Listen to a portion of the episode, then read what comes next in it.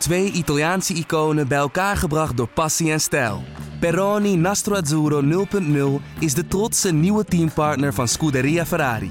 Doe mee met ons en de meest gepassioneerde fans op het circuit, de Tifosi. Samen volgen we het raceseizoen van 2024.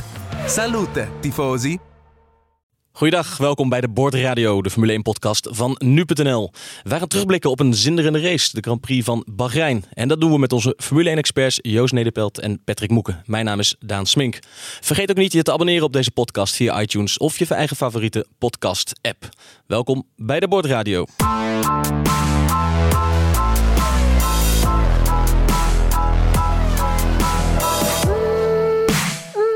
Ja, jongens, laat ik eens beginnen met Nico Hulkenberg. Die na afloop misschien wel het beste samenvatten. De notabene uitgevallen Nico Hulkenberg. Maar die zei met een grote glimlach: Wat was dit een vette race? Hij zei: uh, 1 op de 20 races uh, gebeurt het misschien maar dat het zo spannend is. Wat was dit cool? zei Hulkenberg. Patrick, geef eens een cijfer voor deze race. Jij als liefhebber. Een 9. Joost? Uh, een 8. Een 8. Ja, ik, het, de race was qua spektakel gewoon prima. Alleen het slotstuk dat was een beetje een, uh, een domper. Een dompertje, ja. Niet beetje dat, wel. Ja, Paste er wel weer bij, hè? Nou ja, ik denk dat, dat niemand uh, Charles Leclerc die, die, die overwinning misgunde. En dat had eigenlijk wel, wel mooi geweest als hij hem had gepakt. Patrick misgunde hem wel. Nou, misgunnen, misgunnen. Ik vind dit ook wel weer mooi aan, of mooi, niet, niet mooi, maar het is ook wel weer typisch Formule 1. Dat je denkt, nou, dit gaat het worden. Ja. En dan toch tien rondjes voor het einde, dan nog even zo'n twist. En dat we toch weer een totaal andere winnaar krijgen. Uh, dan die we vooraf uh, voor de race hadden uh, ingevuld. Ja, dat is zeker zo. Verrassingen zijn altijd leuk. Dat, ik had alleen liever gezien dat het met een mooi gevecht was gebeurd en niet op deze manier. Maar dan, nu, dan was het een tien geweest. Maar ik, ja, precies. Maar het was even goed. Was het een fantastische race met, met vooral die openingsronde. Die was Hulkenberg ook. Die had het omschreven als een warzone. Dat het echt. ja, Leclerc ook trouwens speelde daar natuurlijk ook een grote rol in die, die, die openingsronde. Dat hij toch eigenlijk zijn pole best wel makkelijk verloor aan Vettel, die natuurlijk een goede start had. daarna het duel met, met de Mercedes'en. Ja, dat was gewoon top om te Er en, gebeurde een hoop, ja. ja. Verstappen leek ook al voorbijgestoken te worden helemaal aan het begin. Gebeurde toen nog niet. Ja, nee, dat waren natuurlijk Sainz en Magnussen. Die hadden allebei eigenlijk een betere start dan Verstappen. Maar in de herhaling later kon je zien van bovenaf dat Verstappen die remde extreem laat in de eerste bocht.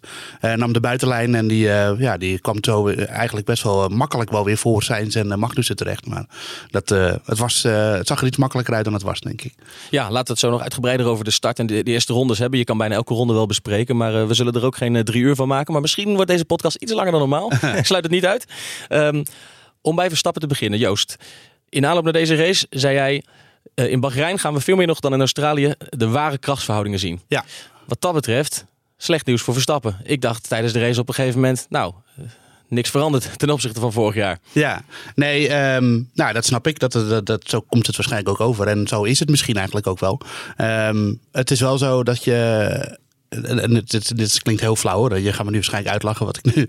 Maar eigenlijk uh, moet je gewoon uh, China er ook nog wel bij tellen. Omdat het. dat is heel flauw. ja, dat is heel flauw. Maar dat zijn, dan heb je gewoon echt drie best wel verschillende circuits gehad. Met verschillende temperaturen, verschillende soorten bochten, alles.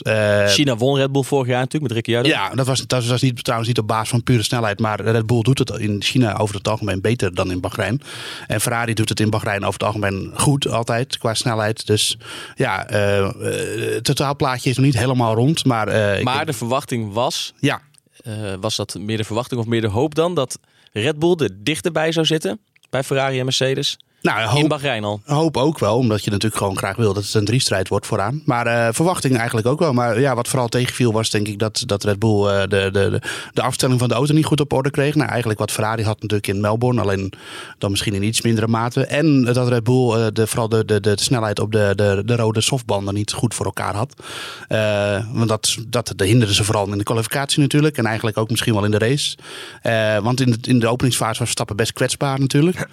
op die rode band. Later ging het beter. Uh, en ik denk dat, uh, nou, dat vooral dat Ferrari nu zo goed uit de, uit de verf kwam qua snelheid. Dan hebben we het even niet over de betrouwbaarheid natuurlijk. Dat. Nou, was het misschien wel een beetje van, ja, het was, we hadden natuurlijk donderdag namen we de vooruitblik op en toen zei ik, ik durf het niet aan om Ferrari al op het podium te voorspellen. Nou, achteraf bleek dat uh, waarheid, maar dat was niet op basis van snelheid, want daar, daar zat natuurlijk wel gewoon een, uh, een, de winst verdiend qua snelheid. Maar ja, betrouwbaarheid is ook, hoort ook bij de sport. Waar ja. Nederlandse fans zich nog wel aan vast mogen houden, is dat Red Bull hier uh, sinds 2013 niet meer op het podium heeft gestaan. Dus wat dat betreft is ook Bahrein, net als Albert Park, niet echt een Red Bull circuit. Nee. Nee, dat is ook precies wat ik zeg. Kijk, je moet China er eigenlijk ook Ja. bij tellen. Maar als ze in China weer zo ver achter liggen op, eh, op de concurrentie, dan begint het zich wel een beetje af te tekenen. Ja, want ik denk dat Christian Horner wel even heeft moeten slikken gisteren. Die, heeft, die, heeft, eh, die had denk ik ook de hoop, eh, nou zeker na die openingsrace, van hey, hier, is, hier is misschien al meer mogelijk. En op zijn minst toch wel een podiumplek. Nou ja, ze moesten eigenlijk meer achterom kijken. Hè? Dat zag je in het gevecht met, eh met Sainz in de openingsfase. Ja. Eh, ja, de, de, de Formule B-teams eigenlijk, dat had je vorig jaar. Dat de Formule A-teams eh, werd altijd gezegd in de paddock. Dat waren de topteams. Maar ja, het, het middenveld is echt dicht, dichterbij gekomen. In ieder geval in het begin. Wat het ook wel weer leuker maakt, hè? Zeker, absoluut. En ja, want zo'n gevecht als wat je zag met Sainz en wat, wat, wat, er ook wel mee te maken heeft, is dat je, daar komen we misschien later ook nog op terug, de invloed van DRS is veel groter. Ja. Je zag op een gegeven moment zelfs dat, eh dat Lance Stroll voorbij ging aan Verstappen. Ja. kwam ook wel omdat hij op, eh, op verse bandjes reed, maar eh, Ja, dat was zelf een penibel momentje weer. Zo'n Ja, Force India achter Verstappen die zichzelf wilde, eh, een rondje terug wilde pakken. Ik denk nou, eh, maar inderdaad, Ja. vorig jaar Ocon. ja, ja. toch een andere kreur gelukkig achter het stuur. Dus, eh, Maar ja, het, het, het- wat je zegt, ik denk dat ze bij Red Bull ook wel een beetje, nou in paniek wil ik niet zeggen, maar dit, eh, ja. eh, vorig jaar was in de kwalificatie bijvoorbeeld, zat Ricciardo was de beste Red Bull. Die zat 14e, zat hij van de pole af. En nu was dat, eh, ja, was dat 18e. Terwijl Honda ja, met de party motor hadden ze gezegd, nou ze hoopten toch echt eh, af en toe een gooi te, te kunnen doen naar pole position. Nou, dat is, eh, dat, dat, op deze manier gaat dat niet lukken. Maar ja, maar wie weet in China dat het weer totaal anders is. Maar dat Ja, we nou ja, nog dat is leuk. Hè? Dat Ja. hebben we inderdaad eigenlijk nu al. Dat kun je nu zeker concluderen. Ja. Want we hadden nu ook wat anders verwacht na Ja, precies. Ja. Ja. En dat zag je eigenlijk vorig jaar ook, dat je het vooraf totaal niet kon voorspellen welk, welk team nou het snelst zou zijn op welk circuit. Ik denk dat we dit seizoen misschien nog wel een overtreffende trap gaan zien. ja. ja, dat is zeker zo. En eh, vorig jaar was Ferrari hier ook het snelste. En toen waren ze in China in de kwalificatie ook al het snelste. Dus eh, toen hadden ze ook een lastige start in Australië. Nou, die wonnen ze dan met geluk. Maar daarna eh, kwam ineens wel die potentie van die auto naar voren. En dat is nu eigenlijk weer zo. Eh, alleen ja, het, ik, eh, het, is, het is broos bij Ferrari. Echt, eh er zitten toch wel wat, wat, wat haken en ogen nog aan hun, aan hun snelheid. Ehm, en dan hebben we het vooral over die koelingsproblemen waar het steeds over gaat. Nou, dat Ferrari heeft dat ook niet echt hard ontkracht. Hè? Dat, dat, daar, dat daar een probleem mee is. En als je ook gaat kijken naar... Wat is dan precies het probleem? nou, dat weten we niet. Het, het- het probleem zou kunnen zijn dat, dat bijvoorbeeld de, de apparatuur in de auto. koelingsproblemen denken mensen misschien snel aan de, koeling letterlijk van de motor. Maar dat is niet het enige wat koeling nodig heeft. Dat is al die elektrische systemen die erin zitten, die hebben ook allemaal koeling nodig. En daarom zie je bijvoorbeeld bij Mercedes, die hebben zo'n grote luchthapper hè, boven het hoofd van een coureur. En daar zitten dan allemaal weer eh, schotjes tussen waar de, lucht gaat, eh, wordt verdeeld daar al. Nou, Ferrari heeft dat niet. Die hebben best wel een kleine luchthapper ook boven het hoofd. Eh, die zijn heel innovatief geweest met de luchthappers naast de coureur, de, die in de sidepod zitten. Die, die, zijn ook best wel kleiner dan bij de concurrentie. En dat alles is ten bate van de, de snelheid en hoe minder eh, eh, drag, je eh, luchtweerstand je creëert. Maar ja, daar zit ook nadeel aan. Het kan zijn nou, met nadruk kan zijn dat dat misschien wel de oorzaak is dat Ferrari wat eerder tegen problemen aan zou kunnen lopen dan, dan de concurrentie. En ook dat, eh, dat ze misschien niet altijd op volle bak kunnen draaien omdat het dan te, te heet kan worden. Dat, dat zou zo kunnen zijn. Ja, Ja. duivelse dilemma tussen snelheid en betrouwbaarheid. Ja, dat was een beetje het verhaal, eh, vooral in eh, Britse media. Dat, eh, dat in Melbourne heeft Ferrari zijn motor terug moeten schroeven om, eh, ja, uit, uit betrouwbaarheidsoogpunt. En daardoor zouden Vettel en Leclerc da- daar niet de pace hebben gehad eh, om voor de, eh, voor de winst mee te strijden. Ja, en Nou. nu hebben ze hem weer opgeschroefd en waren ze Ja. weer betrouwbaar. Ze hadden eh, nieuwe Ja. koelvloeistof zouden ze ook hebben ingevlogen. Ehm, die motor zou het weer beter moeten doen. De snelheid was ook gewoon beter. Vanaf de eerste training al. iedere sessie gedomineerd.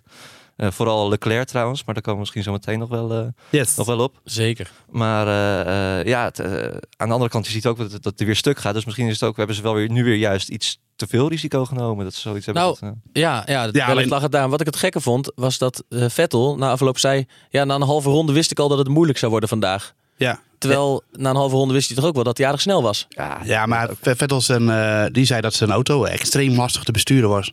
Ehm, en, en, en je moet wel eh, even in achting nemen dat, dat natuurlijk de omstandigheden in Bahrein die, die, die waren wel echt eh, gewijzigd. Want er was veel meer wind komen te staan. En wind eh, is natuurlijk onzichtbaar op televisie. Eh, nou ja, je ziet de vlaggen wel wapperen. Maar dat, dat Verstappen begon daar ook gelijk Ja, over hè, na de race. Dat hij erg veel last had van, van de wind. precies. En, Leg en, eens uit wat je dan precies... Nou ja, dat is natuurlijk, kijk, er zit allerlei. De auto die is zo gevoelig voor aerodynamica. En als dan eh, eh, normaal komt de rijwind eh, natuurlijk van voren. Maar als je ineens allerlei windvlagen vanuit allerlei hoeken hebt, dan. nou ja, stel je hebt bijvoorbeeld heel veel rugwind. Dan is dat voor een Formule 1 auto echt wel voordelig. Dus dat, dat wind in de rug. Het is net als fietsen met wind in de rug. Maar dat betekent wel dat je bijvoorbeeld bij het aanremmen van een bocht ineens eh, wat meer snelheid hebt dan normaal. En dan kan je bijvoorbeeld eerder een wieltje blokkeren.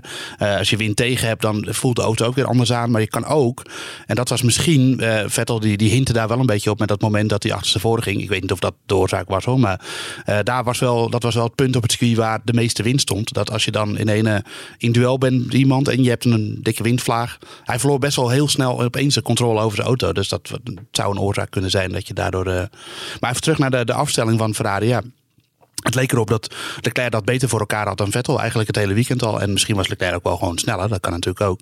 Maar het was in ieder geval... In letterlijke zin wel. Ja, in letterlijke zin. Maar het was in ieder geval wel zo dat, dat Vettel eh, in de race eh, zich niet helemaal eh, op zijn gemak voelde met de auto. Dat, want anders dan kan ik het niet helemaal verklaren waarom Leclerc in één eh, zo makkelijk naar hem toe rijdt en hem voorbij rijdt. En eh, dat eh, Leclerc kan misschien sneller zijn dan Vettel, maar niet zoveel sneller. Dat, dat, dat, dat lijkt me sterk. Nee, aan de andere kant, hè, nu we toch bij Leclerc zijn aanbeland. over zijn potentie en aanloop naar dit seizoen werd al veel gesproken. Als er, als er één teamgenoot is, een, nie- een nieuwkomer bij een team die het, die het zijn teamgenoot ontzettend moeilijk zou kunnen maken, was het Leclerc. Nou, dat heeft hij, heeft hij laten zien. Hè? Dit was, is dit, hebben we hier een toekomstige wereldkampioen gezien? Ja, ja die, die signalen zijn er zeker. Ik, eh, we hadden allemaal wel verwacht inderdaad dat hij, dat hij snel zou zijn, maar dat het ook al zo snel zou komen. Want hij had natuurlijk deze race gewoon eh, moeten winnen, onder, onder, zonder die motorproblemen. Eh, ja, dat is toch wel verrassend. en zeker ook na vorige week, dat Ferrari, of na de vorige Grand Prix, dat Ferrari zei van... eh, ja, Vettel is toch onze man, hè? Eh, die, die teamorders die ze, eh, die ze uitspraken. Ja, dat kan nu gewoon niet meer. Leclerc staat bovenaan voor Vettel in het kampioenschap. Die, gaan, die gaan gewoon met elkaar racen. En, van, en gelukkig maar, dit is weer een hele nieuwe twist in het kampioenschap ook. Ja, ja, interessant. Want je zou. en voor het seizoen is natuurlijk Vettel de eerste man bij Ferrari. Ja. Maar als Leclerc nog één of twee keer voor hem rijdt, voor hem finisht, dan kunnen die rollen heel snel omgedraaid zijn natuurlijk. Zeker. En het was ook wel duidelijk wat je kon zien dat, dat Ferrari niet ingreep toen eh, in de openingsfase Leclerc naar de Vettel toe reed. En het ze hadden best wel een mooi duel nog. Hij vroeg het geloof ik, hè? Van eh, ik ben sneller, mag ik er langs. Ja, Maar nou dit ja. keer mocht het wel. Het, het, het verschil met deze keer was dat hij gewoon zei: I'm quicker, guys. En de vorige keer vroeg hij van, eh, zei hij van, mag ik hem inhalen? Ja. Die vraag stelde hij gewoon niet. Nee, hij dat zei is gewoon, waar. jongens, ik, ik ben sneller nu. Ja, in maar de de, tweede race heeft hij de bescheidenheid al een beetje maar, ja, dat, maar de situatie was natuurlijk ook wel anders. Want ze zagen waarschijnlijk bij Ferrari ook wel van... Hm, Vettel heeft niet helemaal de snelheid en we moeten deze race winnen. Dus eh, als Leclerc de snelheid wel heeft, eh de langs. Ja, maar- en, eh, ik- maar toch, ik vind het toch wel knap in je tweede race voor het grootste Formule 1 team dat, dat er bestaat. Zo jong. Eh, ja, hij, heeft er nu gewoon lak aan. Hij, eh, hij, Ja. hij positioneert zich gewoon als eh, concurrent van Vettel. Ja, maar is het ook zo dat wat, wat, wat misschien het meest zegt over zijn talent is dat hij pas net in die auto zit, zijn tweede race, en dat hij vooral dat hij goed kan rijden, wisten we al een tijdje. Hè? Dat zagen mensen vorig jaar ook al. Maar ehm, dat hij die auto zo snel onder controle heeft Ja. en, en, eh, en, en begrijpt, Ja. dat, dat zegt denk ik ook veel. Ja, nou, het is vooral, waar je dat vooral aan kan merken, is dat, die, dat een coureur, ik bedoel, snel zijn over een rondje, dat is iets wat de meeste coureurs al kunnen. En ook in, waarschijnlijk in zo'n auto wel. Maar eh, dan eh, ook mentaal, weet je wel, dat je in die kwalificatie dan op het moment dat het moet, dat hij continu die snelle ronde eruit pompte zonder fouten te maken.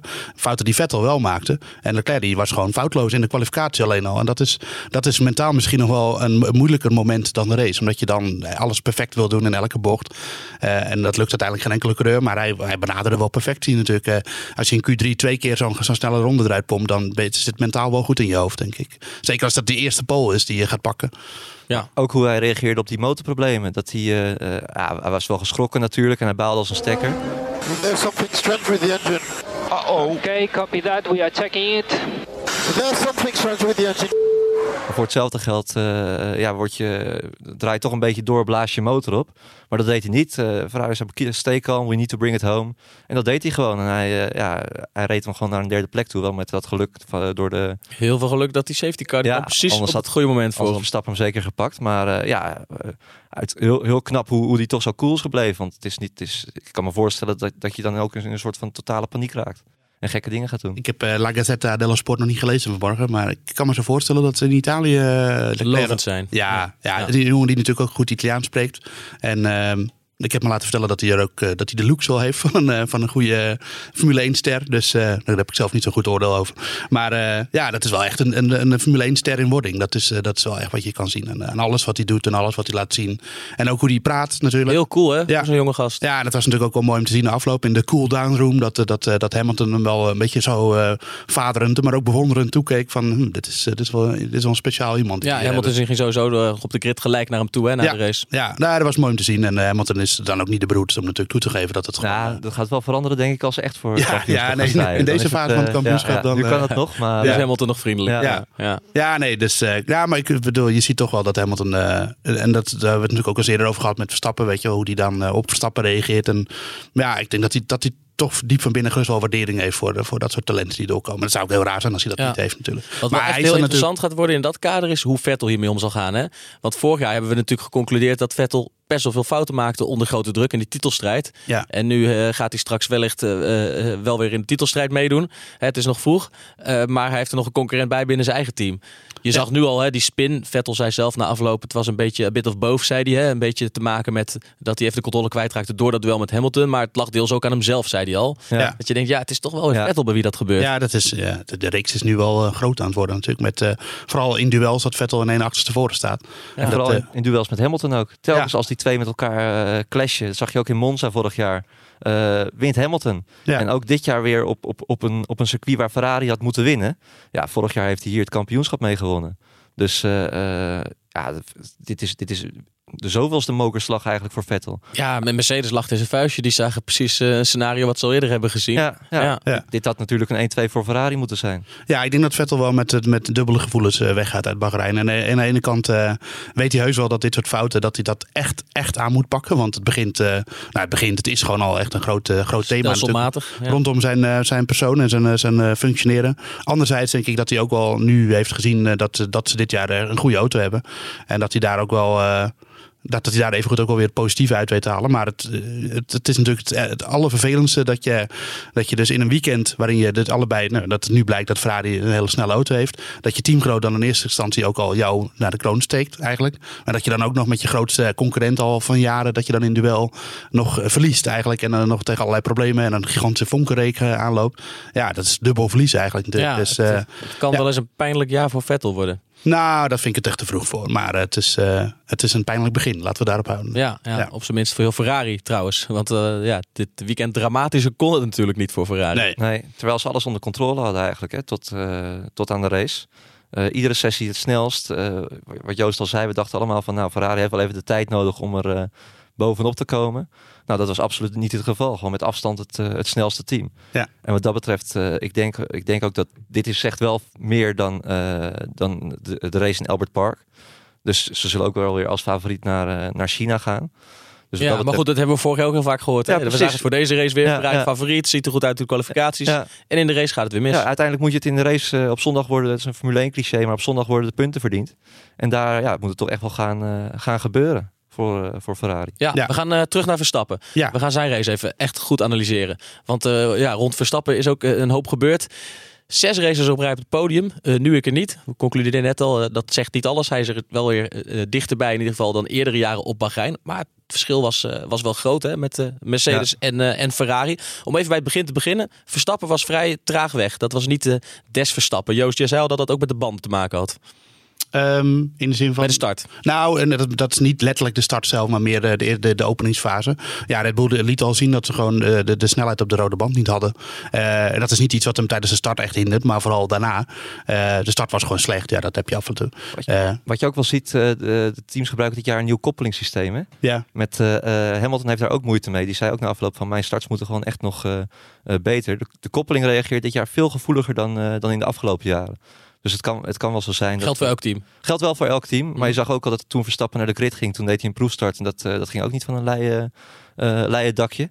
Eh, ja, je, je ziet best wel veel coureurs die daar problemen mee in eh, Australië, als ik me nu terug, terugdenk, had hij ook al niet zo'n hele goede Nee. start. Nee. Dus eh, ja, Vettel die had wel echt, echt een raketstart natuurlijk. Maar eh, dat, eh, Ja, nee, in ieder geval om terug te komen op de, op de, de, opening. Ja, dus de softband uh, was niet hun band. Dat zei Verstappen zelf ook al. Um, en daarna had hij ook nog een uh, langzaam leeglopende band. Dus daarom moest hij redelijk vroeg uh, de pitstop maken. en toen daar, daar werd gelijk iedereen in, in de pitstops getrokken eigenlijk. Misschien terwijl dat de meeste teams dat nog niet wilden. Maar die moesten dan zich verdedigen tegen de undercut, zoals dat heet. Dus dat je eerder naar binnen komt en dan een paar rondjes snel kan rijden. En dat de tegenstander dan later naar binnen komt. En dat je dan dat gat gedicht hebt. Um, en daarna op de, op de medium, toen ging het eigenlijk best wel goed qua race pace. En toen bleef hij Bottas ook best wel in het zicht houden natuurlijk. Um, en uiteindelijk uh, ja, was het natuurlijk pech voor Verstappen dat die safety car uiteindelijk eruit kwam. Uh, want anders had hij die, eh, die podiumplaats nog wel gepakt. Ja, ik dacht nog hoe, hoe ironisch uh, is Verstappen toch weer het slachtoffer van de Renault motor. ja. Zelfs terwijl hij zelf niet met de Renault motor rijdt. Want beide Renaults vielen uit, safety car komt erin en daardoor kan Verstappen geen podium meer pakken. Nee. Ja, nee, dat was zuur voor hem. ja, ik, maar ik, voor de rest was het eigenlijk gewoon natuurlijk een race waarin hij gevecht, in gevechten kwam. Geval met Sainz, wat hij natuurlijk eigenlijk helemaal niet wilde. Ja, wel, wel Sainz trouwens... was not amused. Nee, ja. I cannot believe this guy. I cannot believe it. Oud zeer. ja. Lichte touché. Uh, Verstappen iets over de curbstones. Um, het, was, het incident werd bekeken door de raceleiding en gezegd, nou, niks aan de hand. Nee. Ik geloof dat uh, um, Sainz, toen hij terugkeek, uh, ook wel concludeerde dat het allemaal wel, uh, wel meeviel. Ja, volledig terecht. Verstappen zat gewoon aan de binnenkant. zat al redelijk ver, al verder op de curbs dan, dan normaal. Uh, Sainz neemt eigenlijk ook een risico door daar dan tegenaan te gaan zitten. Want als jij op de curb zit, dan weet je van die auto aan de binnenkant uh, dat hij door kan schieten. Nou, dat gebeurde ook. Had ook voor Verstappen nog fout af kunnen lopen trouwens. Ja. Vorig jaar uh, clashte hij hier natuurlijk met Hamilton. Dat was, dat was nog een, een zachtere tik dan dit, dan dit eigenlijk. En toen, toen viel hij uit. Maar uh, ja, terechte beslissing dat er geen straf uitgedeeld uh... Het is wel des Verstappers op die manier uh, verdedigen. aan de binnenkant dan extreem laat remmen. En ja, want Sainz had natuurlijk de DRS en die had meer snelheid. Ja, Sainz hoopte dat Verstappen iets eerder zou inhouden dat hij er voorbij ja, zou schieten. Ja, maar, dat was wel mooi dat ik zat, ik zat te kijken bij Sky. En daar, daar was ook Nico Rosberg die af en toe in de uitzending kwam. En die zei van never try to overtake Max Verstappen. We zei die met een soort van glimlach. Zegt wel alles hè, dat heeft hij wel echt al voor elkaar. Ja, dit is gewoon de reputatie van Verstappen. Die is niet makkelijk om in te halen. En dat bleek maar weer. En dat weet Sainz ook wel. Dus daarom zal hij ook al gezegd hebben van uh, dat, de frustratie in eerste instantie. En dat is natuurlijk volledig te begrijpen. Uh, dat je in de auto zit en dat je voorvleugel. Uh, Op het moment zelf denk je altijd dat het aan de ja, ligt. Tuurlijk. Ja, dus. Nee, ja, dat was, het was op zich een mooie verdedigende actie. En, uh, dat Degelijke race verder hè, van Verstappen. Ja, jawel. Ja, en zeker na die eerste pitstop. Toen uh, was hij nog aan het knokken met, uh, met Bottas op een gegeven moment. Dus zo heel dramatisch was het, was het ook niet. Daar was Bottas ook voorbij zelfs. Ja. Uh, was buiten beeld, maar die, ja, dat was wel gewoon op de baan uh, gebeurd. Ja. Bottas pakte hem ook wel vrij snel, vrij snel weer terug. En reed vervolgens wel weer bij hem weg. Maar ja, ik denk voor Verstappen gewoon het, uh, echt het maximaal haalbare. Die, uh, ja, hij zei zelf ook, hè, ik bedoel, hij had dus nog podium kunnen pakken door dat gedoe met Leclerc, die, die uiteindelijk door de safety car gered werd. Ja. Maar Verstappen zei zelf van, ja goed, ik had het podium ook niet verdiend. Het klonk bijna alsof hij, alsof hij niet eens derde had willen worden, wat natuurlijk niet waar is. Maar hij, hij, was, hij was wel realistisch. Ja, en ja, misschien ook wel om aan te geven dat er toch nog wel werk aan de winkel is hè, voor, voor Red Bull. En eigenlijk anders dan in andere jaren, ze kunnen niet de, de motor de schuld geven. Dat doen ze ook niet. Nee. Want die Honda, ja, die loopt gewoon die, die, doet het gewoon prima. Ook al zouden ze dat willen, dan doen ze het niet. Nee, zeker niet, nee. precies. Nee. Is dat de belangrijkste conclusie voor Red Bull dan? Dat er, dat er eigenlijk meer werk nog aan de winkel is dan ze stiekem gedacht hadden in Australië? Ja, ik denk, dat, dat denk ik zeker. Dat, dat zegt Verstappen zelf ook. De auto is gewoon nog niet, uh, nog niet top.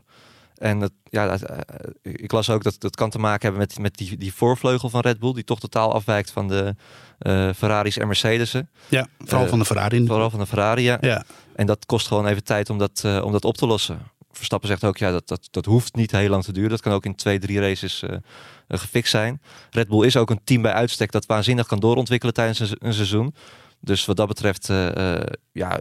Er is nog alle hoop. Absoluut, absoluut. En, en eigenlijk ook als je ziet, dit zijn prima... Als, als, als Verstappen nu een slechte auto heeft, dan is een derde en vierde plek om mee te beginnen, is dat helemaal niet...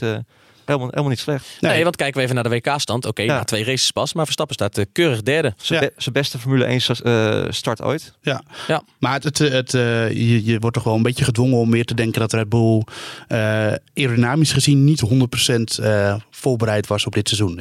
want dat is iets wat vorig jaar natuurlijk ook al speelde. Toen moesten ze ook wel een inhaalslag maken. Vooral met, met snelle updates en grote updates. En dat was het jaar daarvoor helemaal zo. Toen hadden ze een beetje een probleem met de windtunnel. Um, En ik heb nu ook het idee dat de, de potentie in deze auto er echt wel weer is. Maar dat het toch weer even duurt voordat Red Bull qua ontwikkelingstempo op, ja, op het niveau van Ferrari en Mercedes zit.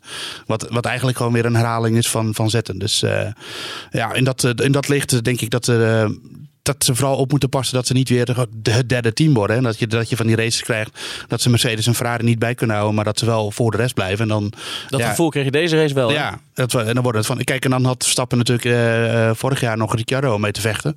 Maar dat is uh, met het huidige team natuurlijk geen uh, duel natuurlijk. De nee, dat is een mooi bruggetje, Joost. Want Gasly, we moeten het even over hem hebben. Heel veel hoongelach her en der over zijn zwakke presteren. Ik, ik, vond het, ik kreeg een beetje medelijden met hem zelfs na afloop toen hij voor de camera stond. Het is natuurlijk een hele lieve, bescheiden jongen. Uh, maar uh, het was wel allemaal heel. Hij stond er echt een beetje met het schaamrood op de kaken. Had ik het, uh, had ik het idee. Ja, ja, ik moet nog wennen aan de auto. Ja. Het team, we moeten aan elkaar wennen. En nee, het loopt nog niet. Maar hij wist ook niet waarom. dat ehm, ziet er tot nu toe niet zo best uit. Nee, het is, ja, het, het, het, is echt behelpen voor hem. Het is de schade beperken. dit, ditmaal weer een, een, slechte kwalificatie. Niet door zijn team zoals in Melbourne gebeurde. Maar echt door hemzelf. Gewoon puur op pace. Niet, niet naar Q, Q3. Ja, dat is ik weet het even niet uit mijn hoofd, maar Verstappen volgens mij is dat nog nooit overkomen in een, uh, in een, in een Red Bull. Uh, ja, het is niet alleen voor hemzelf is dat moeilijk, maar ook voor, voor, voor Verstappen. Bijvoorbeeld bij het afstellen van de auto. Als, als jij als alles hangt nu af van, van Max op de vrijdag om de, om de, om de setup van de auto te vinden. Ricciardo was er natuurlijk wel meester in, dat een ervaren coureur. Die, die, daar had je gewoon wat aan als het om het afstellen van de auto ging. En nu zal Verstappen dat allemaal in zijn eentje moeten doen. En dat kan misschien ook wel weer dingen ja, gaan kunnen bepalen. we dat nu al zeggen? Nou ja, het, het, kijk, als jij een seconde, een seconde langzamer bent in de training of, of een halve seconde. Uh, ja, en alleen maar voor jezelf aan het zoeken bent van wat kan ik doen, wat, hoe werkt deze auto. Ja, dat, dan, dan mag je verwachten dat, dat qua afstelling alles van, van Verstappen afkomt. Ja, ja dus een zwakke Gasly is ook gewoon slecht nieuws voor Verstappen. Ja, zeker. zeker. Ja, Gasly is voorlopig vooral met zichzelf bezig. En uh, het is natuurlijk gewoon echt een slecht tegen dat je, dat je voor de tweede race op rij gewoon vooral met de Toro Rosso's in gevecht bent. Uiteindelijk finishen die maar iets voor Albon in de Toro Rosso. Ja, dat, uh, en dan natuurlijk zijn er allerlei dingen debet aan. Vooral dat hij dus ook de, de afstelling niet goed voelde. Maar hij, hij zei dat hij zich niet comfortabel voelde in de auto. En dat is, ja, dat, het, als Verstappen dat wel gewoon uh, voelt. En uh, dan ligt het toch ook een beetje aan Gasly zelf natuurlijk. Ja, ja. En als je dan ziet hoe Leclerc, die nou, met nog minder ervaring dan Gasly, overstapt naar een topteam en de sterren van de hemel rijdt dat, dat overdrijf ik misschien een beetje, maar in ieder geval uh, goed uit de verf komt daar, uh, uit de matrode verf, dan uh, is, het, is het toch wel echt schrijnend eigenlijk voor, voor Gasly. Ja, het verschil het... in talent tussen Gasly en Leclerc ja. blijkbaar al heel snel pijnlijk duidelijk. Nou ja, en dan natuurlijk had Christian Horner zich voor het seizoen af aan al, al behoorlijk ingedekt en die zegt van, we geven Pierre de tijd om op, de, op snelheid te komen. Maar ja, dat zegt hij natuurlijk ook, ja, wat ik zeg, qua indekking. En hij had natuurlijk toch wel stiekem gehoopt dat Gasly er meteen bij zat. Ja, en dat, want dat zegt zo... hij wel voor het seizoen, maar Horner heeft wel eens vaker vroeg in het seizoen een coureur vervangen. Ja, nou, daarom. Uh, en die, uh, daar was hij nu mee in gevecht uh, met de Toro Rosso's. Dus ja. Fiat weer terug naar de Red Bull. Ik zou het wel een stunt vinden. Ja, ja, ja qua, qua, qua Voorlopig even, het voorlopig is nee, nee, nee, nee, nee, is niet aan de orde, zeker niet. Maar ja, ik kan me wel voorstellen dat dit wel een, een probleem is voor, voor Red Bull. Zeker inderdaad wat je zegt, of wat ik zeg voor het afstellen van de auto. Dat, daarvan moet je eigenlijk niet alleen van Verstappen afhankelijk willen zijn. Nee, nee. Aan de andere kant, ja, ze hebben ook weinig opties. Want ja, Fiat terughalen ja, dat, zou wel ook wel een teken van armoede zijn. Aan de andere kant is wel een ervaren coureur. Fiat kan het, kan het wel. Ja, ja. ja. Maar goed, dat is inderdaad. Uh, laten, we daar, laten we het daarover ja. hebben als we een paar races verder zijn. En, uh, en Hoewel, het nog steeds zo voor staat met Gasly. Toch, Fiat moet ik ook zeggen. Uh, Australië had hij natuurlijk een moment dat hij weer door de greenbak ging. En zondag had hij weer een moment met Giovinazzi. Dat ook niet, waar hij ook niet helemaal vrij uitging. Dus, en hij ging nog te snel door de pit Nou, ik weet niet of dat nou zijn schuld was. Maar dat, dat zijn wel weer van die Fiat momentjes. Dus, nog, nog, een klein beetje positief voor Gasly. Hij heeft wel nog mensen ingehaald tijdens de race. Het is niet zo dat hij dat, dat, dat die, hij start als twaalfde. Williams. Nou, die reed al achter hem. Maar uh, hij zit toch wel in de punten geknocht. Dus, dus daar kan hij ja, wel... maar die punten was ook wel dankzij twee uitvallende Renaults natuurlijk. En Sainz. Anders had hij gewoon niet in de punten gefinished. Ja. ja. Nee. nee nou, maar zo, blijft, Renaults, zo blijft het hoor. Maar, ja, uh, ja, even, even naar die Renaults. Want uh, die Ricciardo, hè, die had nu ook nog gewoon in een Red Bull kunnen zitten. Ja, maar dat wil Zit bij Renault. Oké, okay, we zijn twee races onderweg. Maar... Hè, herhaling van vorig seizoen. Er is bij Renault in ieder geval met die motor blijkbaar nog niks uh, veranderd. En, nee. uh, en, ze zitten daar uh, denk ik nu op deze maandagochtend op elkaar te schelden en met de handen in het haar van hoe nu verder. Nou, ja. Schrijnend hè? Ja. Dit, dit, dit is het laatste wat je wil zien als team. Dat opeens twee van je auto's... Ja, eh, dit is ook zo'n slechte reclame voor het hele merk natuurlijk. Ja. Nou, je, je, bedoel, het, Het dat- houdt maar aan. Het, het, het plaatje dat je het veld ehm, eh, na de race eh, zag je de uitloopronde. En dan zag je die Renault van eh Ricciardo stond daar langs de baan. Die stond daar gewoon nog zo helemaal alleen. Want er- ze dachten van nou die hoeven nu niet meer aan de kant. Dus dan, dan gaat het, de winnaars gaan daar langs. En dan zie je die Renault daar zo eh, leeg langs de baan staan. Dat is het laatste wat je wil als autofabrikant. En je zag in de pitbox eh, ook eh, ja, Alan Prost en eh Jeroen. Dat zijn de, de, de bazen daar een beetje. Die, eh, ja, ik denk dat het hoofd van eh Cyril Abiteboul, de baas van, eh, van het, het Renault-team, dat hij wel een beetje richting het hakblok gaat. Want eh, ja, het- dit kan gewoon niet langer zo op deze manier. Kijk, als je niet snel genoeg bent, dat is nog één ding. Maar eh, snel en niet snel en uitvallen. Ja, eh, uiteindelijk is het natuurlijk ook gewoon vooral een marketingreden waarom zo'n Formule 1-team of zo'n autofabrikant in de Formule 1 eh, Exact. zit. Ja, nou ja, dit is, het, eh, dit is de slechtste marketing die je kan verzinnen. Ja, natuurlijk. en die stap is weer niet gezet. Eh, en misschien zijn ze wel sneller ten opzichte van vorig jaar. Maar ja, je moet inhalen. Eh, en dat, eh, dat kan wel. Want eh, je ziet dat Ferrari wel gewoon eh, Mercedes in ieder geval qua snelheid steeds beter de baas kan. En dat, eh, dat lukt Renault niet. Nou hebben die ook minder te besteden. Dat, dat is misschien ook weer een, eh, een reden daarvoor. Maar eh, ja, het, er moet echt nog een hoop gebeuren bij. Ik moet wel zeggen trouwens, McLaren met dezelfde Renault motor qua snelheid. Viel mij... gemaakt. Ja. ja, Ja, die snelheid, de snelheid eh, is echt wel wat opgeschoten. Maar ja, Ja. Ja, hij heeft versnellingsbakproblemen voor, voor Sainz natuurlijk. Eh, maar ik vind Lando Norris eh, ook echt positief eruit schieten. Eh, ja die ook- werd zesde. hè? ja, twee keer in de kwalificatie gewoon een Q3 gehaald al. Eh, ehm, eh, had ook een mooie duels natuurlijk. En eh, ja, het is gewoon echt een racer. En eh, het is gewoon echt wel een aanwiets voor de Formule 1 om die erbij te hebben. Maar ik zou zeggen, ehm, missen we Alonso nog echt? Nou, ik denk dat McLaren best wel twee goede coureurs eh, ervoor terug heeft. Ja, hebben ze tot nu toe eh, netjes gedaan. En nog even terugkomend op Renault ook. Wel een leuke eh, coureursbattle daar onderling ook. Tussen Ricciardo en Hulkenberg. Want Ja. het is ook niet zo dat, eh, dat Ricciardo eh, Hulkenberg even het, sno- het snot voor zijn ogen Nee, ze hadden nog een mooi duelletje ook hè? Ja, Ja, sterker nog, Hulkenberg had eigenlijk, eh, die was al 17e gestart. Die eh, eh, had een goede tactiek Naar ook. P6 gereden van 17 Ja, Ja. uitstekend. tot hij uitviel. Ja, voor, voor eh, Ricciardo reed hij ook. En die, dat incident tussen die twee, eh, Ricciardo knalde, met knalde nog eh, op tegen Hulkenberg aan. ja. Niet de eerste keer dat hij tegen zijn teamgenoot aanrijdt. Nee, dat komt vaak. Maar eh, eh, ja, dat, dat was een foutje van, eh, van Ricciardo. Maar daar gaat eh, Ricciardo echt nog wel een hele taai aan krijgen. Ja. En voor Hulkenberg een uitstekende kans om te laten zien van... Hey, eh, Ik ben er ook. Ja, en ik ben gewoon een, een topcoureur. Als ik het Ricciardo lastig ga maken, ja, dan, dan zegt dat heel veel. Ja. Ja, ja, ja, dat, dat heeft hij na vorig jaar ook wel nodig. Ja, zeker. Ja. Nog eventjes naar de WK-stand, want spannend is het wel hè, voor eh, bovenaan. Eh, en dan spannend bedoel ik eh, tussen de twee Mercedes-coureurs. Bottas op 44 punten, Hamilton op 43 punten. Verstappen zit daar eh, een stukje achter, 27 punten. Goed na twee races. Maar ehm, ja, Bottas eh, ook nu alweer netjes.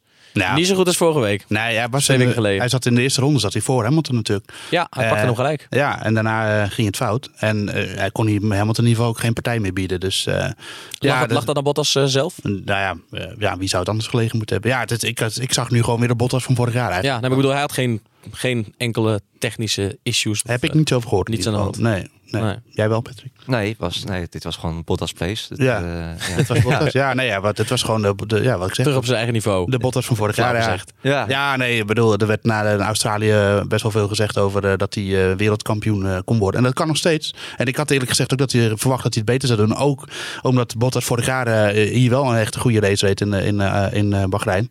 Maar eh, ja, nu eh, liet Hamilton wel weer even zien wie de, wie de baas is bij Mercedes. Nou, dat is misschien ook wel weer grappig. Hè? Want ik bedoel, Vettel eh, zei na de vorige race, eh, na de eerste race eh, over Hamilton. Van, eh, wat, toen werd, kreeg hij de vraag wat er met Hamilton aan de hand was. Nou, niet zoveel. Hij zei eigenlijk van Hamilton had er gewoon niet zo zin in. En Ja. die vond het wel prima. En die zag dat Bottas sneller was. Hij had iets met zijn auto. En toen vond hij het wel goed. Hè? Ja. Eigenlijk ongemotiveerde Hamilton, zei Vettel. Ja. In iets andere woorden.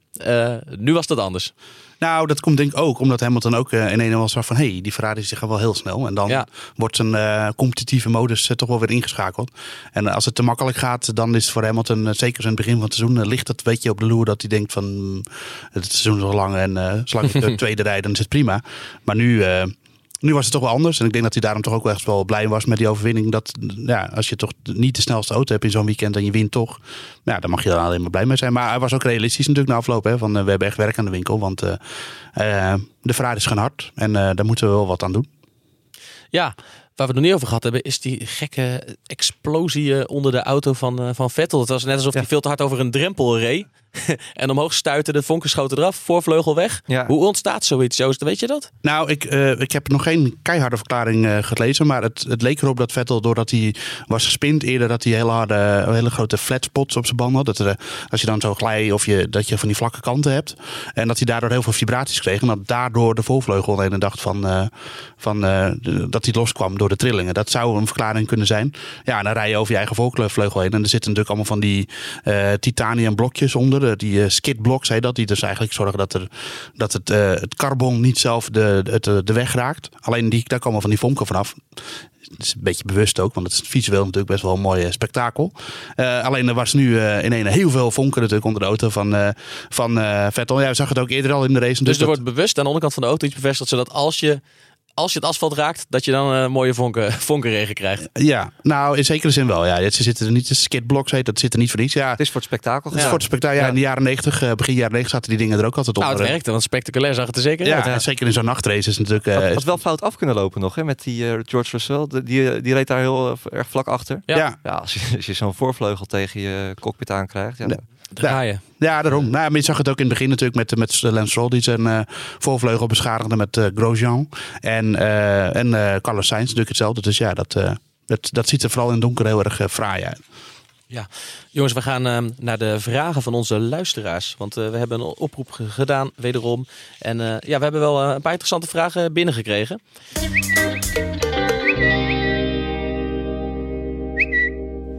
Ja, Martin Smit uit Slochteren, die vraagt ons eh, eigenlijk twee vragen in één. Ehm, de eerste is, mogen de teams buiten testweken en de trainingen de auto's niet op een circuit testen? Ook niet op de fabriekscircuits van hunzelf dus. En hebben ze niet ergens een derde auto om, eh, om te testen?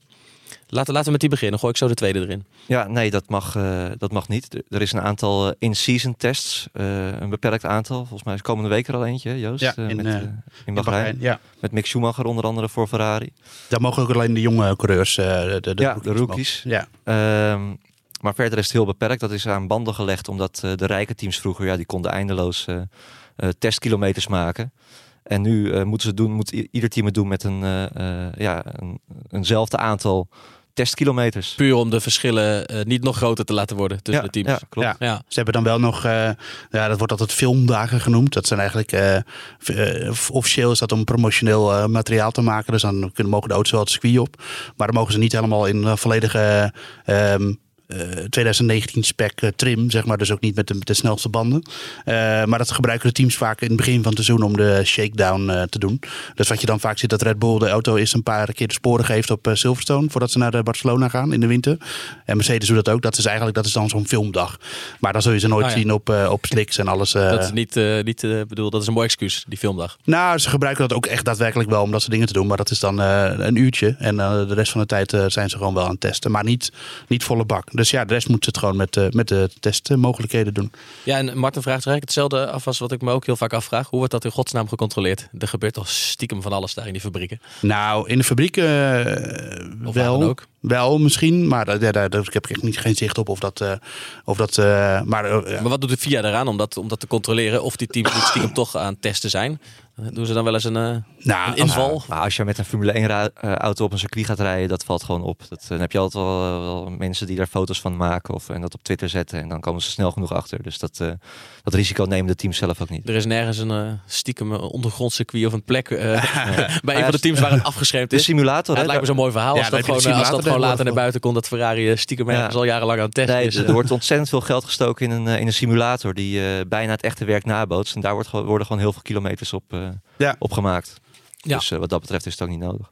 Duidelijk. Eh, hij vraagt zich ook af, ik hoorde dat Red Bull circa 50 miljoen moest betalen voor de motoren van Renault. Eh, betekent het dat eh, met Honda dat ze dat geld eh, over hebben? Ja. Met hoeft niets meer te betalen aan Honda. Is dat... eh, Ja. Ja? Ja, ze krijgen geld van Honda en de motor.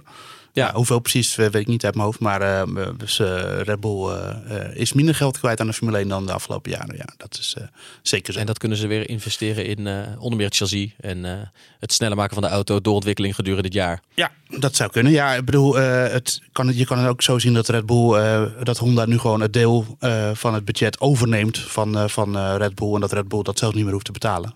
De Red Bull als, als energy drink fabrikant. Maar ehm, ze, gaan, ze zijn er financieel niet op achteruit gegaan. Dat is een ding wat zeker is. Helder. Dan een, uh, een vraag van Mark Baan over een onderwerp waar we het net uh, ook al een aantal keer over gehad hebben, namelijk de banden. Want we hebben geconcludeerd en gezegd net dat het al ook afgelopen race weer zo'n grote rol speelde. hoe je als coureur gaat met de banden, ehm, welke auto bij welke banden het beste passen enzovoort. Um, dat vraagt ook Mark Baan zich, zich af. Hij zegt hoe hard slijt een F1-band nou eigenlijk? Hij zegt bij mijn weten bepalen de grip en de temperatuur niet zozeer de snelheid op de rechte stukken. Motorvermogen natuurlijk wel, maar ik ben geïnteresseerd in de invloed van de slijtage van de banden op topsnelheid. Dus een auto met een eh, kleinere versleten band geeft natuurkundig gezien een kleiner netto snelheidsresultaat dan de grotere verse band. Ja, nou er zit één misvatting in en dat is dat grip uh, niet uitmaakt voor topsnelheid, want dat is juist wel zo. Um, en daarom zie je ook vaak dat, dat coureurs die nieuwe banden hebben, die komen dan uit een bocht en dan, dan komt het aan op tractie. en hoe meer grip je band heeft, hoe beter de, de tractie en ook hoe hoger je snelheid natuurlijk in de bocht zelf al is, des te meer tijd win je op het rechte stuk. Want hoe harder je een bocht uitkomt, hoe minder uh, tijd je erover doet om je topsnelheid te bereiken. Uh, dus uh, rij je relatief gezien op het rechtstuk langer op, je, op de maximale snelheid. En ook, ja, je ziet dat ook vaak dat de coureurs, als die een bocht snel of niet goed uitkomen, dan verliezen ze die tijd ook de hele tijd op het, of de, de, de continu op het rechtstuk daardoor. Dus, ehm, en ja, dat is het grote verschil. Dus grip en tractie is, is echt zeer relevant voor, voor hoe snel je eigenlijk over het rechtstuk gaat. Hoe beter je uit een bocht komt, hoe sneller je op het rechtstuk gaat. En daarom zie je ook altijd dat ja, een coureur die de pits uitkomt, die eh, met nieuwe banden, die gaat dan ook best wel snel iemand, als die, als die achter iemand terechtkomt met oude banden, gaat hij er altijd best wel snel voorbij. Omdat je gewoon, dat verschil is gewoon zo groot. Net is eigenlijk bijna hetzelfde alsof je DRS hebt. Ja, ja, hij vraagt ook inderdaad hoe hard slijt een band dan is. Zijn dat uh, in diameters gezien, uh, in diameter gezien zijn dat centimeters, millimeters? Weet je, hoe, hoe, snel, hoe snel gaat zoiets? Als je dat zeg maar in een timelapse zou zien, zou je dan echt zou je nou, echt denk, enorme verschillen zien tussen de twee Ik denk niet dat het om centimeters gaat, maar, je, maar wat je wel ziet is dat je aan het eind van de race zie je allemaal van die balletjes rubber uh, zie je langs de baan liggen, de marbles. Um, en dat is allemaal rubber en dat komt allemaal van de banden af. Dus er komt wel degelijk komt er het, uh, het, het nodige vanaf. Maar ik denk niet dat het om centimeters gaat. Nee, dat niet. Nee, en dan heb je de invloed van de coureur natuurlijk ook nog. Hè? Verstappen heb jij wel eens de bandenfluisteraar genoemd. dat je daar zo goed mee kon, uh, kon omgaan. Nou ja, die, die, kijk, die zorgt... Uh, want wielspin is het, het, het, het, laatste wat je wil met banden. En dat, je, dat je zijwaarts over het bandenoppervlak glijdt. Dus met de auto zijwaarts glijdt. Want dat levert de meeste slijtage op. Als je gewoon rechtuit rolt, dan is er natuurlijk weinig, weinig frictie met de banden. En dan, en dan verlies je het relatief gezien het minste rubber. Dus, en wat Verstappen goed kan, is zorgen dat hij een bocht uit weinig wielspinnen heeft, weinig zijwaartse beweging. Waardoor de banden gewoon langer goed blijven. En dan, uh, dan heb je daar over de hele race heb je daar uh, heel veel aan. Helder verhaal. We gaan er uh, dit seizoen ongetwijfeld nog vaak het erover hebben en ernaar kijken. China, jongens. Daar moeten we het ook even over hebben. De slotrace. De derde race, sorry. Wat, gaan we in, ehm, wat kunnen we in China verwachten? Ja, uh, ik denk toch weer een sterk Ferrari. Die hebben wel een, uh, ja, een signaal afgegeven dit, uh, dit weekend. Hopelijk zit Red Bull er weer iets beter bij. Dat zou wel moeten, want Red Bull heeft er vorig jaar uh, gewonnen. Wel met wat geluk door een, uh, door een strategie. Maar uh, ja, dat, dat, dat, dat, dat, ja ze, moeten, ze zouden daar meer competitief moeten zijn. Als dat niet zo is, dan heeft Red Bull echt wel een groot probleem. En ja, hopelijk weer een leuk gevecht tussen vooraan. En, en ook benieuwd hoe Vettel gaat reageren hè, op Leclerc. Maar ik zeg, ik zeg nog een keer dan, hè, we zeiden dit voor Bahrein ook, hè, dat ze daar nog competitiever zouden moeten zijn dan in Australië. Maar in China is het echt realistischer? Nou, China heeft uh, veel uh, lange doordraaiers uh, qua bochten.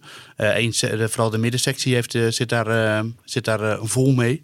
En dat is op zich normaal gesproken altijd het sterke punt van, van de Red Bull. Dus ja, je moet de baan ligt waarschijnlijk Red Bull wat meer dan, dan het korte draaien en keren dan wat er in Bahrein is natuurlijk. Um, Waar ik wel benieuwd naar ben, is dat vooral Mercedes uh, zei dat Ferrari heel veel tijd won op het rechtstuk. Nou, China heeft natuurlijk een heel lang rechtstuk. Dus uh, um, ik vraag me wel af hoe Ferrari de auto dan gaat afstellen. Dat ze dan echt alles op topsnelheid gooien. Of dat ze dan juist meer een compromis willen.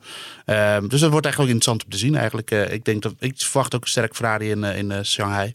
Um, en ik verwacht wel dat Red Bull nu weer een auto heeft waarmee ze enigszins nou, als het een beetje mee zit, meer kans hebben op het podium dan in uh, Bahrein. Ja, dat klinkt als uh, Ferrari weer favoriet. Dus Mercedes zal wel winnen.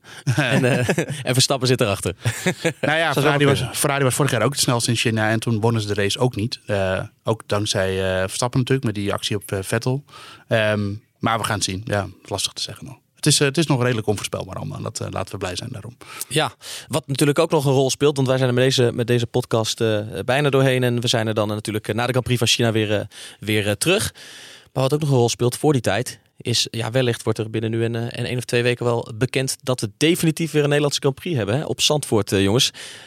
we hebben er veel over geschreven. Ook enorm veel uh, reacties op gehad. Hè? Mensen op Twitter die vragen stellen, die benieuwd zijn hoe zit het. Mensen die zeggen van hey, uh, het is helemaal niet rond met Zandvoort hè? vanuit Assenhoek. andersom uh, wordt natuurlijk het andere verhaal verteld. wij denken wel ongeveer te weten, te weten hoe het zit, maar definitief is het, is het nog niet. Patrick? Nee, het is nog niet definitief. Het is wel heel, heel dichtbij. wat je zegt, er waren inderdaad heel veel reacties gekomen de afgelopen week op, op stukken die we hebben geschreven. Ehm, ja, zonder al te veel in, detail te treden, we hebben wel echt alle kanten van het verhaal hebben we, uh, hebben we belicht. We hebben de belangrijkste persoon echt gesproken, niet in Nederland, maar ook in, uh, in Londen. En uh, ja, het, het, gaat echt de goede kant op. Het, uh, het, het, de financiën zijn zo goed als, als rond. Geld is niet meer het grootste probleem. Het gaat vooral om uh, ja, juridische aansprakelijkheid. Uh, wie is er verantwoordelijk bij calamiteiten? daar moet ook allemaal onderhandeld over worden. En het gaat er ook vooral om ja, welke, welke, welke circuit gaat er, gaat er verdwijnen. vijf vijf contracten lopen af van, een, van circuits. En er zal toch eentje, misschien wel twee, plaats moeten maken. Ehm, Vietnam komt er nog bij. Dus uh, ja, en zolang dat nog niet bekend is, uh, zal de vorm ook nog niet. Uh... Nee, dat, precies. Dat is ook de reden dat er werd gezegd. Hè, die exclusiviteitsdeal van ja. Zandvoort verliep op 31 maart. Daarna ja. zouden andere circuits en misschien ook Assen nog aan de beurt komen. In Assen zitten ze nog in de wachtkamer dat het dan gaat gebeuren. Maar zover wij hebben, hebben begrepen, en dat is niet vanuit Zandvoorthoek zelf, nee, is, dat, is het voor Assen zeker niet meer kansrijk. Want als het Zandvoort niet wordt, dan gaan ze in, een, in het buitenland kijken. maar tot nu toe ziet het eruit dat het wel gewoon Zandvoort wordt. Ja, en dat zeggen we niet omdat wij graag willen dat het Zandvoort wordt. Nee, want precies. Dat is wel belangrijk om te vermelden. Want, want die, we willen wel graag een Nederlandse Grand Prix. Ja, we willen graag, graag een Nederlandse Grand Prix, maar het is echt... Uh, ja, het, het, vooral de Formule 1, die, die, willen, uh, is, is, die willen historie terug op de kalender. En Zandvoort is bij uitstek een, een historisch circuit natuurlijk. En uh, als, als Zandvoort niet lukt, dan gaan ze verder kijken buiten buiten Nederland naar andere historische circuits. Ja, ja, dus ik zeg net hè, dat het nu binnen twee weken bekend zou kunnen worden. Maar het kan dus ook goed zijn dat, uh, precies, het is vroeg. Het kan ook zijn dat ze alles in kaart brengen. En uh, Jan, Jan Lammers, de directeur van, van Zandvoort, zei ook dat het ook met onderhandelingen met uh, andere landen te maken heeft. Dat ze strategisch vanuit de vorm dat het misschien al beklonken is, maar dat ze dan wel even wachten met het bekendmaken. Omdat ze dan de, de, hele kalender of in ieder geval het grootste deel daarvan in één keer bekendmaken. En misschien is dat wel pas juni of later. Ja, ja is, wij zijn ook de laatste om tegen te spreken dat als ze een goede kandidaat zou zijn. Maar uh, voor zover wij hebben begrepen, zijn ze dat gewoon niet echt. En uh, ja, het is een soort van eh, Ajax Feyenoord geworden tegenwoordig. Hè? Welk, welk kamp je zit. Maar, ja, het geeft wel ja. aan dat de Formule 1 echt ontzettend ja. leeft in Nederland. Hè? Het is, het, dat is het goede nieuws. Ja, dat is het goede. Het gaat er zo heftig aan toe. En ja, logisch. Ja, het, het Nee, het, het, ja, het, het, is, het, is, het is tekenend. Ja, dus uh, nou ja, het, het, ziet er, het ziet er gewoon echt goed uit. Laten we daarop houden. Ja, we ja. wachten af. Heel benieuwd uh, wat daar gaat gebeuren. Uh, wij wachten af. We blijven het volgen. We blijven dat volgen. We blijven de gehele Formule 1 volgen. Vandaag nog heel veel terug te lezen bij ons op nu.nl, de podcast terug te luisteren. En wij zijn er met deze podcast weer naar de Grand Prix van China. Tot slot wil ik natuurlijk nog even verwijzen naar ons prachtige Formule 1 spel. de GP-game. doe mee op nu.nl slash GP-spel. Um, want je kan ook nu nog instappen. Dat hoeft er niet voor het seizoen. De producer hier die zit te glimlachen. Want wie staat er bovenaan in onze subpool? Jouwers, Julian Dom. Hij weet er veel meer van dan wij hier met z'n drieën. Veel meer. Hij weet veel Moest meer ik zeggen van hem. Ja. Maar goed, het seizoen is nog lang, zeggen we dan. Bedankt voor het luisteren. Bedankt voor nu. En tot binnenkort. Ja. Dag.